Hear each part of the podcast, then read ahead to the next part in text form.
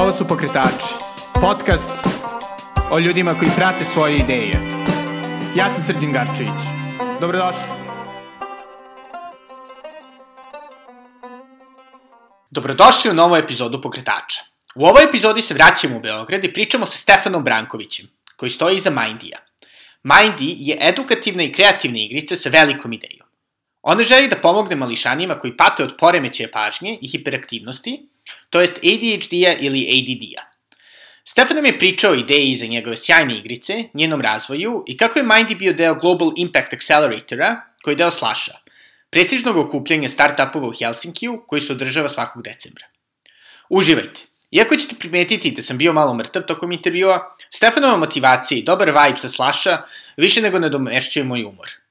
On je takođe pomenuo par sjajnih startupova sa sličnim ciljem u Srbiji i svetu, tako da je epizoda sjajna motivacija za sve vas koji planirate da pokrenete nešto što kombinuje profit i humanost. Tako da uživajte. Dobrodošao Stefane. Bolje vas našao. Mindy uh, zvuči kao fantastična ideja i kako, kako je došlo do nje? Uh, Mind je nastao sasvim slučajno zapravo. Uh, kada sam upoznao jednu devojku koja je psiholog iz e, Švedske, koja se bavi već 20 godina radom sa decom koji imaju poremeće pažnje, ADHD. Ovaj, pričali smo o, o mom poslu kao programeru, njenom poslu kao psihologu. I a, baš me zanimalo kako ona radi sa decom koji imaju ADHD, kako izgleda uživo kada je dođe pacijent. A, nakon dosta priče zaključak je bio da su tri stvari bitne za tretman ADHD-a. To je naravno jedan na jedan sa psihologom, to je tu da ostane, ne može ništa s time da se uradi, ali ono što je meni bilo zanimljivo je kako, koje delove toga možemo mi da digitalizujemo i da ubacimo nekakvu aplikaciju, da pomognemo što deci, što psiholozima, što da damo neki novi uvid u lečenje svega toga. Druge dve stvari koje su jako bitne za tretman, a to su treniranje kognitivnih skillova kao što su memorija, pažnja, fokus, znači kognitivni skillovi, brain, brain games kao što su memory game ili tako nešto, a, i fizička aktivnost mogu da budu digitalizovane. I meni je tada palo na pamet da napravi neku a, igricu za tu decu, gde ona ne bi uopšte znala da su na nekom tretmanu, jer deca ne vole da idu kod lekara, deca ne vole tretmane, ne vole zubara, ali deca vole da se igraju.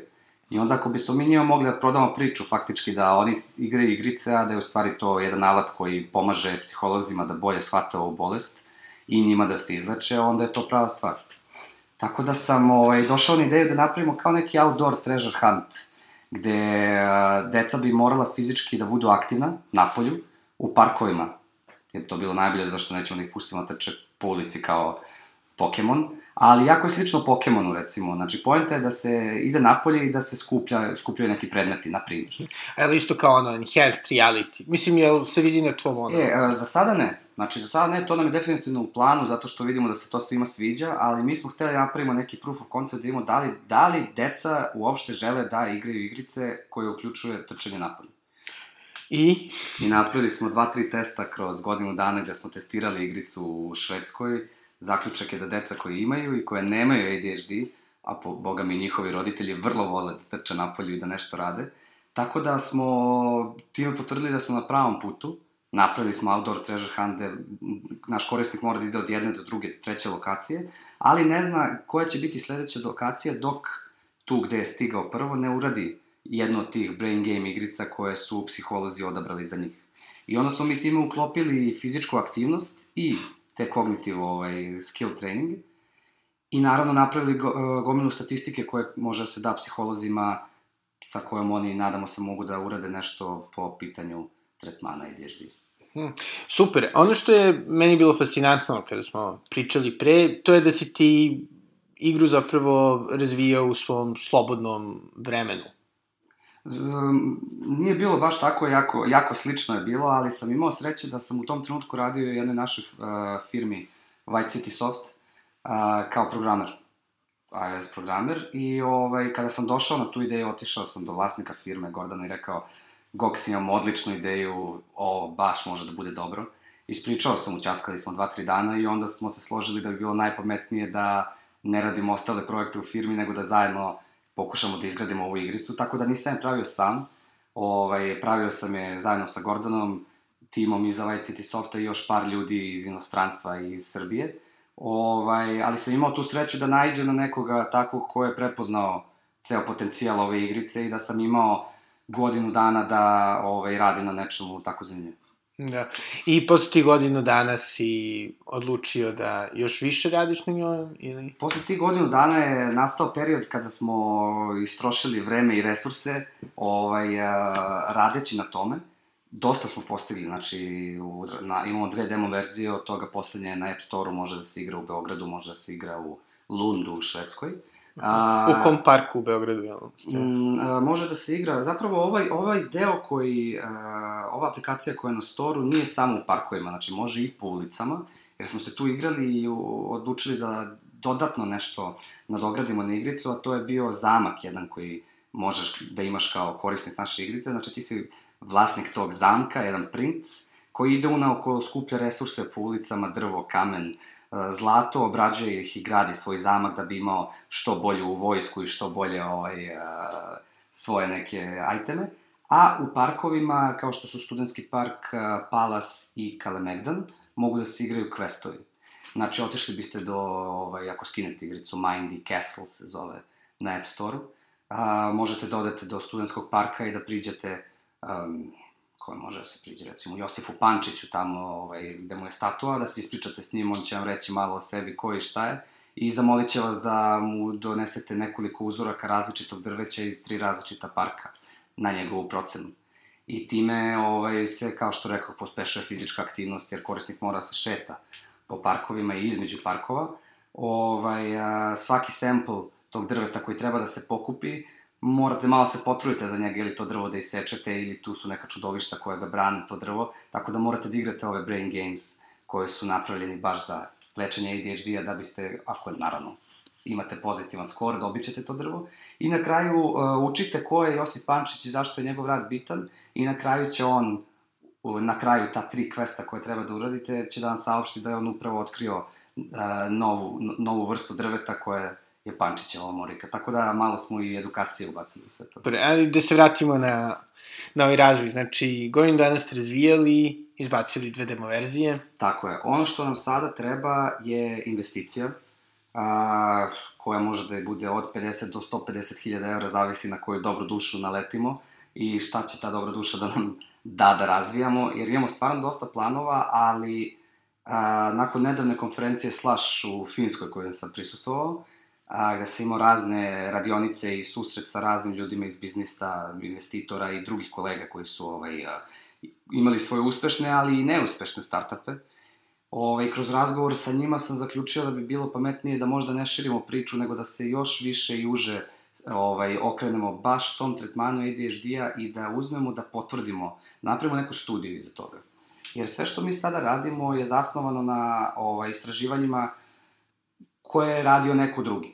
I to je sve u teoriji, pod jedan. Pod dva, a, sve se zasniva na našim kontaktima psiholozima iz inostranstva, ovaj, iz Švedske i iz Monaka, ovaj, gde kroz njihovo iskustvo koje je više decenijsko je potvrđeno da fizička aktivnost i trening ovaj, kognitivnih skillova pomaže ADHD-u, ali ipak je bolje i za nas, a i ušima investitora, kada mi prikažemo našu neku studiju, Tako da mi se sada fokusiramo na proširivanje saradnje sa psiholozima koji se bave poremećajem pažnje.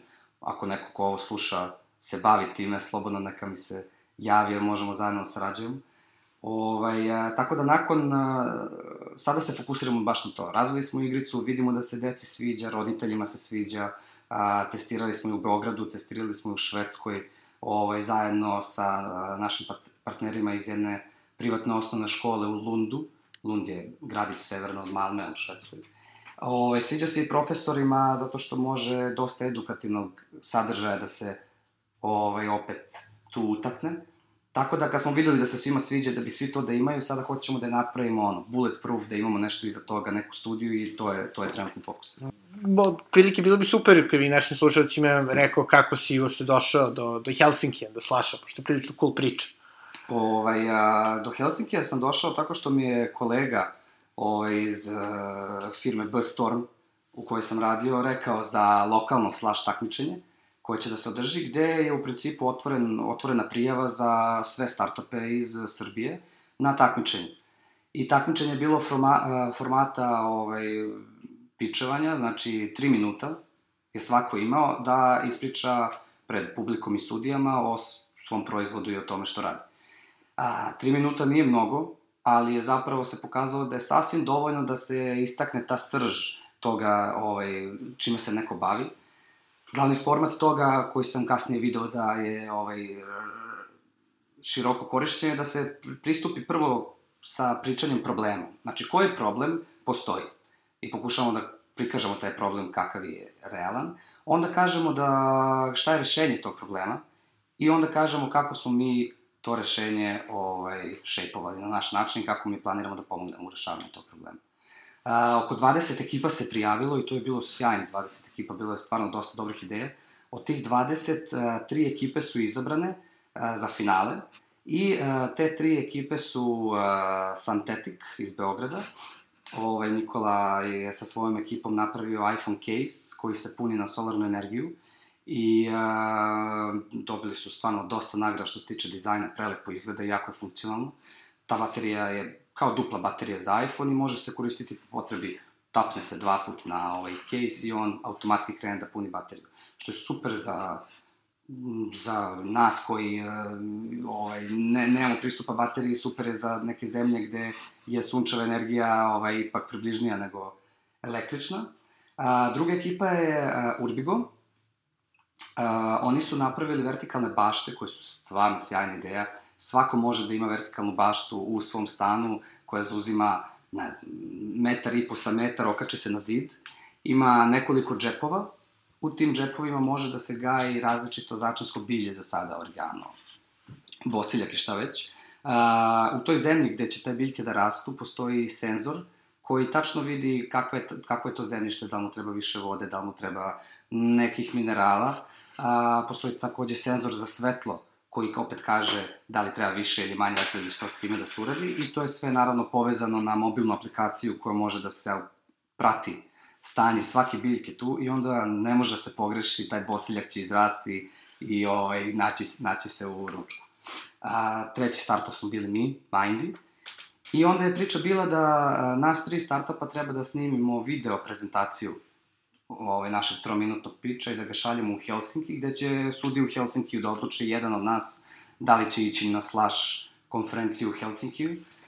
Nakon desetak dana svima nam je stigao mail da, ćemo, da će sve tri ekipe ići, što je stvarno bilo sjajno, jer su sve tri ideje bile odlične, totalno na svaka na svoju stranu, ali opet jako lepo. I odosmo ti mi na slash. Da. A sam Slash ima veoma dobar kao social impact deo. Ovaj, znači, mi smo na Slash, Slash konferencija koja je već deseti, desetu godinu se održava u Helsinkiju, traje dva dana i to je stvarno jedan najveći svetski sajam startapa koji postoji sve živo što je strava i sve živo što je novo je tamo, od igle do lokomotive, ali mi smo učestvovali na nekom programu uh, koji traje sedam dana, znači pet dana smo uh, dobili bootcamp gde su nam držali radionice što investitori, što ljudi iz biznisa koji su stvarno stvarno su sjajni, dosta njih je imalo svojih desetak firma, što propalih, što uspešnih, sad su investitori, stvarno su nam podelili njihovo znanje iz lične, iz ličnog ugla koje je apsolutno nemerljivo.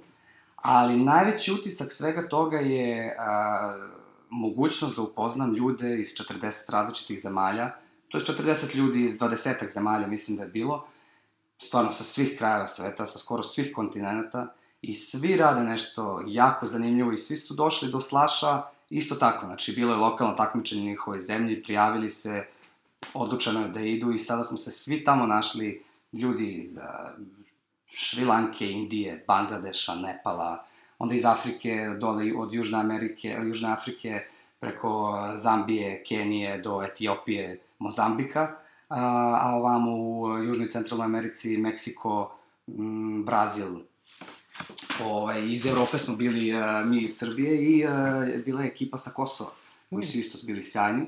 Upoznali smo se, razmenili kontakte.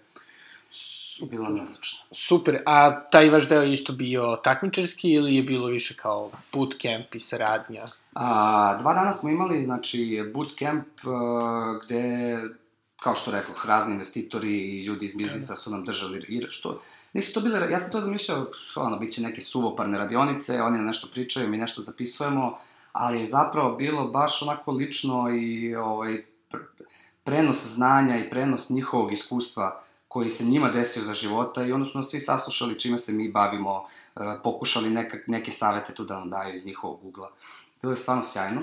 Nakon toga, a, treći dan smo imali takmičenje, opet smo imali pičevanje, gde svaka, znači svako je, ko je predstavljao svoj startup, imao opet 3 minuta da isprezentuje ovaj, čime se bavi. A, troje sudije je tu bilo, bila je devojka iz a, Svetske banke, bio je jedan dečko koji je iz nekih VC fondova, ne znam koji, kako mu se tačno zove fond, ali investitor, i treći sudija je bila devojka koja je iz organizacije Slash. I onda su od 40 ekipa izabrane njih 10, koje su na main eventu, na samom Slashu, imali, ovaj, imali prezentacije, showcase. A, to nije bilo takmičarskog karaktera u smislu da su se delile ne znam nija kakve nagrade, više je bilo da se svi mi stvarno povežemo, da vidimo čime se bavimo, ali je bilo super uh, iskustvo i super je bilo za tih 10 ekipa koje su na samom Slashu prezentovale. Ja, nažalost, nisam, vrlo sam hteo, vrlo sam hteo to iskustvo, ali uh, Anja iz Urbigo, ovaj, uh, Viseće bašte, je prezentovala na samom Slashu i bila je sjajna, kao i svi ostali. Ovaj, tako da stvarno je bilo zanimljivo. Znači to zvuče na malikice kao epizoda on Silicon Valley-a minus Prilike. disfunkcija. Otprilike. Super. I sada da se, da se vratimo na razvoj samog Mindija. U samom razvoju, šta bi nekako rekao da ti je bilo najizazovnije? Pa meni je prvo bilo to zanimljivo zato što sam se uh, na početku sam u sve to ovaj, upustio. Znači imao sam zeleno svetlo da ja krenem sa svime tim, ali to je bilo apsolutno to, bio sam na početku sam. I onda mi je bilo super što sam mogao sam svoj projekat od samog početka da ovaj, postavim na noge, da napišem celu arhitekturu iza toga, da krenem da pričam s ljudima ko bi sve u tome učestvovao, ovaj, kako bismo sve to radili. Na kraju smo našli uh, dvojicu kolega iz firme koji su nam pomogli za backend, hvala im neizmerno. Uh, našli smo opet, sve to preko nekih ličnih kontakata, našli smo devojku koja je inače tattoo artist, koja je uh, nacrtala gomilu aseta koje smo koristili u igrici na papiru, temperama ili vodenim bojama, mislim da je vodenim bojama, koje smo mi skenirali i kasnije ubacili ovaj, u igricu, tako da je još, još, to je još do, dodatni neki pečat stavilo, jer je baš zanimljiva igra, kao da je nacrtana na papiru, a faktično stvarno jeste nacrtana na papiru. Ovaj, a, onda kasnije do samog developmenta, jer krenuo sam sa jednom idejom, to se ispostavilo da je mnogo veće nego što sam i zamišljao, i onda ceo taj proces je stvarno bio sjajan, stvarno ne kažu ljudi za džabe kad, kad radiš, to je super, ali kad radiš na nečemu svom, onda daš 110% sebe i stvarno je zanimljivo. Da, ili bilo nekih ono, teških trenutaka. Šta, šta ti nekako od tog prelaska sa, da kažemo, ono, običnog programera ka nekome ko razvije sobstvenu ideju bilo najteže? A, to što konstantno se razmišlja o tom projektu, znači, ok, radio sam ja 8-9 sati da se kaže da sam bio u kancelariji za kompjuterom, ali ja i kada izađem odatle, ja samo razmišljam o toj igrici, samo razmišljam o tom celom sistemu, da li je trebalo ovo ovako, da li je trebalo ono onako, izađem sa društva na piće, vidi se da sam odsutan i kad legnem da spavam, to mi je bilo najgore, ne mogu da, ne mogu da se smirim i da zaspim, nego sat i po vremena vrtim po glavi šta sam uradio, šta sutra treba, šta bi trebalo preko sutra i onda te to toliko uvuče, mislim, ako ti nije lepo, ne bi to ni radio, lepo je sve to, ali drugačije je od posla od 9 do 5. Da, da. A, ovaj, recimo, ono, jel sad tražite ljude da vam pomognu da rade s vama ili... Uh, u principu, kogod je rad da pomogne na ovome, je dobrodošao. Nama uvek trebaju programeri zato što mi ovo stvarno sami radimo, nemamo financije, bootstrapujemo se kako možemo. Ovaj, uh, uvek treba još jedan backend kome se ova ideja sviđa i koji bi da bude deo ovoga. A, tako da kogod, kogod je zainteresovan, neka mi se javi da će stvarno super raditi na ovome. Ali najbitnije nam je sada da mi a, kontamo još a, nekoliko psihologa koji mogu da nam kažu njihovo, njihovo viđenje ovoga. Ono što smo mi do sada uradili je, pričali smo sa raznima i u principu svi se slažu oko generalnih koraka koje treba preduzeti što se ovoga tiče, ali da vidimo, uh, radimo na tome koje, koje informacije i koji podaci psiholozima trebaju od nas, koje mi možemo da pokupimo, da bi oni na osnovu toga napravili studiju. Mm -hmm. Tako da, ako ima i psihologa koji ovo slušaju, koji se bave tretmanom ADHD-a ili znaju nekoga ko se ovime bavi, a, bilo bi lepo da stupimo u kontakt jer nam stvarno treba što više informacija o ovome da vidimo šta može da se uradi, jer je sam, sam ADHD je nešto, da kažem, novo. Pre 30-40 godina, čak ni u Americi ovo nije bilo prihvaćeno kao ADHD, nego su ljudi rekli, ma, to dete je nemirno, proći će. Ovaj, to znam jer sam kroz priču o svom projektu upoznao ljude koji imaju 40, 50, 60 godina i koji su mi rekli da kad su oni bili mali su imali ADHD, imaju vjerovatno i sada, ali tada to niko nije pričao da je nešto što nije nestašnak. Mhm. Tako da sve to jako mlado i onda baš ima prostora da se ovaj, istraži dalje i dublje. A imamo ove telefone, svako ima u džepu, tako da može nešto sa tim da se uradi, da se pomere neke granice istraživanja. Da, fantastično. E, isto, čisto izuzev, naravno, samoga, ovaj, e, same ekspertize, psihologa, programera, što mi je uvijek zanimljivo, to je novac, naravno. Jel, kako je uopšte tržište, da kažem, za ono fondiranje start-upova u, u Beogradu? Jel postoje ljudi koji bi dali novac za takve stvari? Ja koliko znam postoji, nisam još ih sreo. se Javite se! Javite se, čujem da postoje. Ali a, ovaj projekat je zanimljiv za, mislim zanimljiv. Čuden je zato što a, ipak je ovo neko istraživanje za sada. I onda jako malo ljudi će da dati novac za istraživanje, a da nisu toliko velike šanse da će nešto veliko iz ovoga da ispadne. Tako da za konkretne investitore koje investiraju po principu vi dođite meni, recite šta ste uradili, pokažite mi metriku i recite ako ja uložim x da ću da dobijem x puta 3 za y meseci. Ovo nije takav projekat. Ali postoje fondovi što Evropske unije, što neki drugi, koji ulažu u istraživanje koje je direktno povezano sa zdravljem i razvojem dece. Uh, ima projekata, treba, očekujem da očekujem informaciju za mart sledeće godine, trebalo bi da se jedan fond uh, pokrene. Čuo sam da će biti jako dosta para za jako različite projekte i svi mogu da se prijave. Uh mhm. -huh. Ovaj, tako da tako neke stvari su mi zanimljive. Ja sada gledam sa kolegama mojim iz inostranstva da se vidi u Švedskoj i u Skandinaviji, pošto se tamo malo više ulaže u ovako nešto. Tako da za sada su nam zanimljivi fondovi, jer fondovi uh, ipak daju novac za istraživanje bez da očekuju da će im se sigurno te investicije vratiti. Za nas je to trenutno. To je znači više kao neki grantovi. Recimo grantovi. Aha.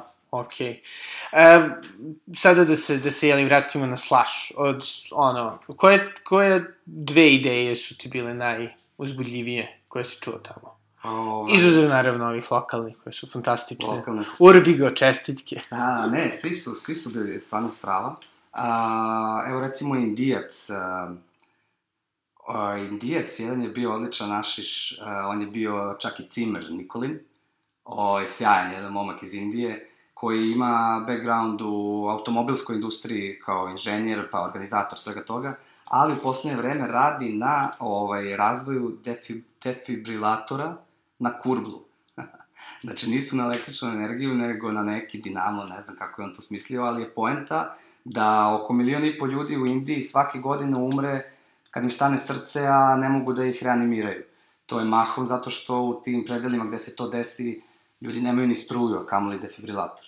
Tako da je on našao ovaj, preko nekog indijskog ministarstva, a, mislim da je rezao oko milion dolara i napravio je, napravio je dosta tih uređaja koje je krenuo da distribuira.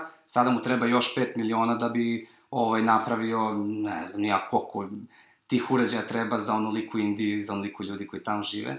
Ali e, projekat kao što je njegov, je projekat a, koji je bio, takvi projekti su bili u centru pažnje ovogodišnjeg slaša. Znači sve se vrtelo oko neke održivosti i oko nekog impakta. Znači niko nije, niko nije naravno rekao da a, kogod ima svoj biznis, da ne treba na njemu da zaradi. Daleko od toga, svi su sezona zaradite, što više možete, ali gledajte da to što radite ima neki impakt.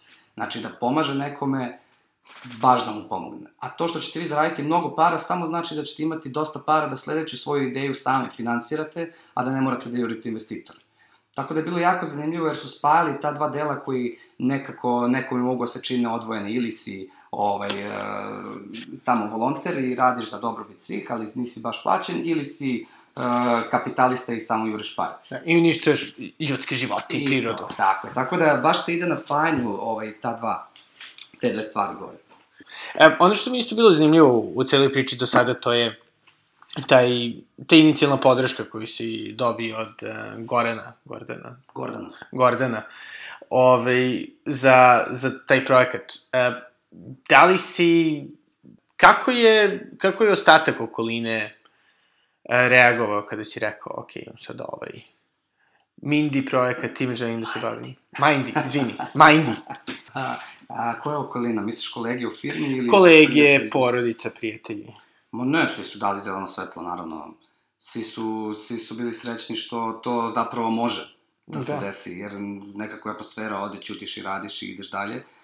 Ali zapravo ima, ima prostora za bilo čiju ideju koja je stvarno dobra, ima prostora da se stvarno on je napravi čudo, evo, to, to sam video, mislim, ja sam stvarno toliko sad optimističan posle ovog slaša, jer sam video hiljade ljudi koji su isto, evo, verovatno sedeli kao ti i ja sada ovde za stolom, pijuckali čaj i pričali o idejama i završili tako što su reizovali milione i kao pomažu, pomažu svetu.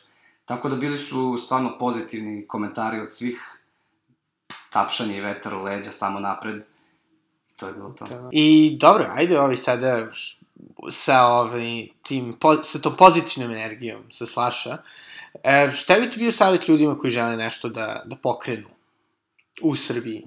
A, pa bio bi savjet da to odu i pokrenu. Ali a, generalno je ideja da kogod ima bilo koju ideju, a, ako tu ideju nekome kaže i taj nekoga, ne mora čak ne ga osudi, da mu kaže, ba, to i baš nije nešto, nemojte da odustanete, možda taj čovjek nije razumeo tu ideju, idite dalje. Znači, ispričate svoju ideju na 20 ljudi, ako 20 ljudi kaže da nije nešto, probajte sa 21. Jer nikad se ne zna, možda ta ideja je i toliko revolucionarna da je niko sada ne razume, a možda se desi da ste u takvom okruženju koji ne prihvata baš nove ideje. Tako da ako vi mislite da je vaša ideja stvarno dobra, idite dalje. Evo recimo postoji dosta sada već e, inkubatora i hubova po Beogradu gde možete da odete i da se prijavi, ne da se prijavite, uđete, kuc, kuc, dobar dan, ja imam super ideju s kim mi mogu da se ispričam. Znači, to postoji. Da, da. A, sledeći korak koji treba da se preduzme, to je vratno prvi korak koji treba da se preduzme kada neka ideja padne na pamet je da se samo inicijativno istraži tržište. Google, how to i šta god da vaša ideja rešava, istražite da li to već postoji ili ne postoji. Ako ne, istražite zašto ne postoji. Možda je neko to pokušao isto što i vi, pa baš mu i nije pošlo za rukom zbog toga i toga, a možda se jednostavno niko toga nije setio. Ako se toga niko nije setio, a sve pokazuje na to da je to dobra ideja, onda na sva usta pričajte i probajte to da uradite. Čisto jedno pitanje koje, ovaj, verovatno možete da ti pitam ranije, ali to je, znači kada si prvi put čuo za, za problem ADHD-a, šta te tu nekako ono najviše potaklo? Kao? Uh, pot, pa, hm, samo razmislim. Da reš. Recimo, uh, nisam imao, ako je to ciljeno pitanje, nemam nikog u porodici koji ima ADHD, niti imam nekog bliskog koji ima ADHD, tako da nije, nisam imao taj neki sentimentalan mm -hmm. moment. Ali uh, ta drugarica koja je psiholog, koja, koja se time bavi, ona je, ona, ona je toliko u tome, znači ceo život joj se okreće oko toga i baš je strastvena. I onda ta njena strast oko rešavanja tog problema je i mene malo zagolicala. I onda kada sam shvatio da ja mogu da napravim igricu, a ja sam čovjek koji stvarno voli igrice, celo detinjstvo sam probao igrajući igrice, ako mogu da na, sa svojim znanjem napravim igricu koju će deca hteti da igraju i pritom da stvarno neku, neki veliki problem rešim, nisam morao da razmišljam više, to je bilo to. Super, znači, ono, čisti altruizam, nisi bio na foru, ono. A ovo će da bude Uber za ADHD. Ma, ne, baš sam, baš sam, evo, ovo što sam rekao, tri stvari spojene, dovoljno. Hvala puno, Stefane. Hvala. Puno sreće i da, i svi ostali, molim vas, ako imate novac, idealno, ali isto tako ako imate ekspertizu u psihologiji, znate ljude koji, je, koji se bave ADHD-em, kontaktirajte Stefana. Hvala puno. Hvala se. Okay, ćao. To je bio Stefan. Linkovi ka Mindiju, Stefanovom kontaktu i drugim stvarima o kojima smo pričali su na mom blogu The Nutshell Times. Ukoliko vam se ova epizoda svidela, slobodno preslušajte i prethodne na Soundcloudu, iTunesu, TuneInu ili Stitcheru. Ako vam se ovaj ceo projekat sviđa, eh, molim vas delite. To je zaista jedini način da ljudi čuju za ovo. E, takođe, molim vas komentarišite i predlažite nove goste. Hvala puno i čujemo se u sledećoj epizodi. Ćao!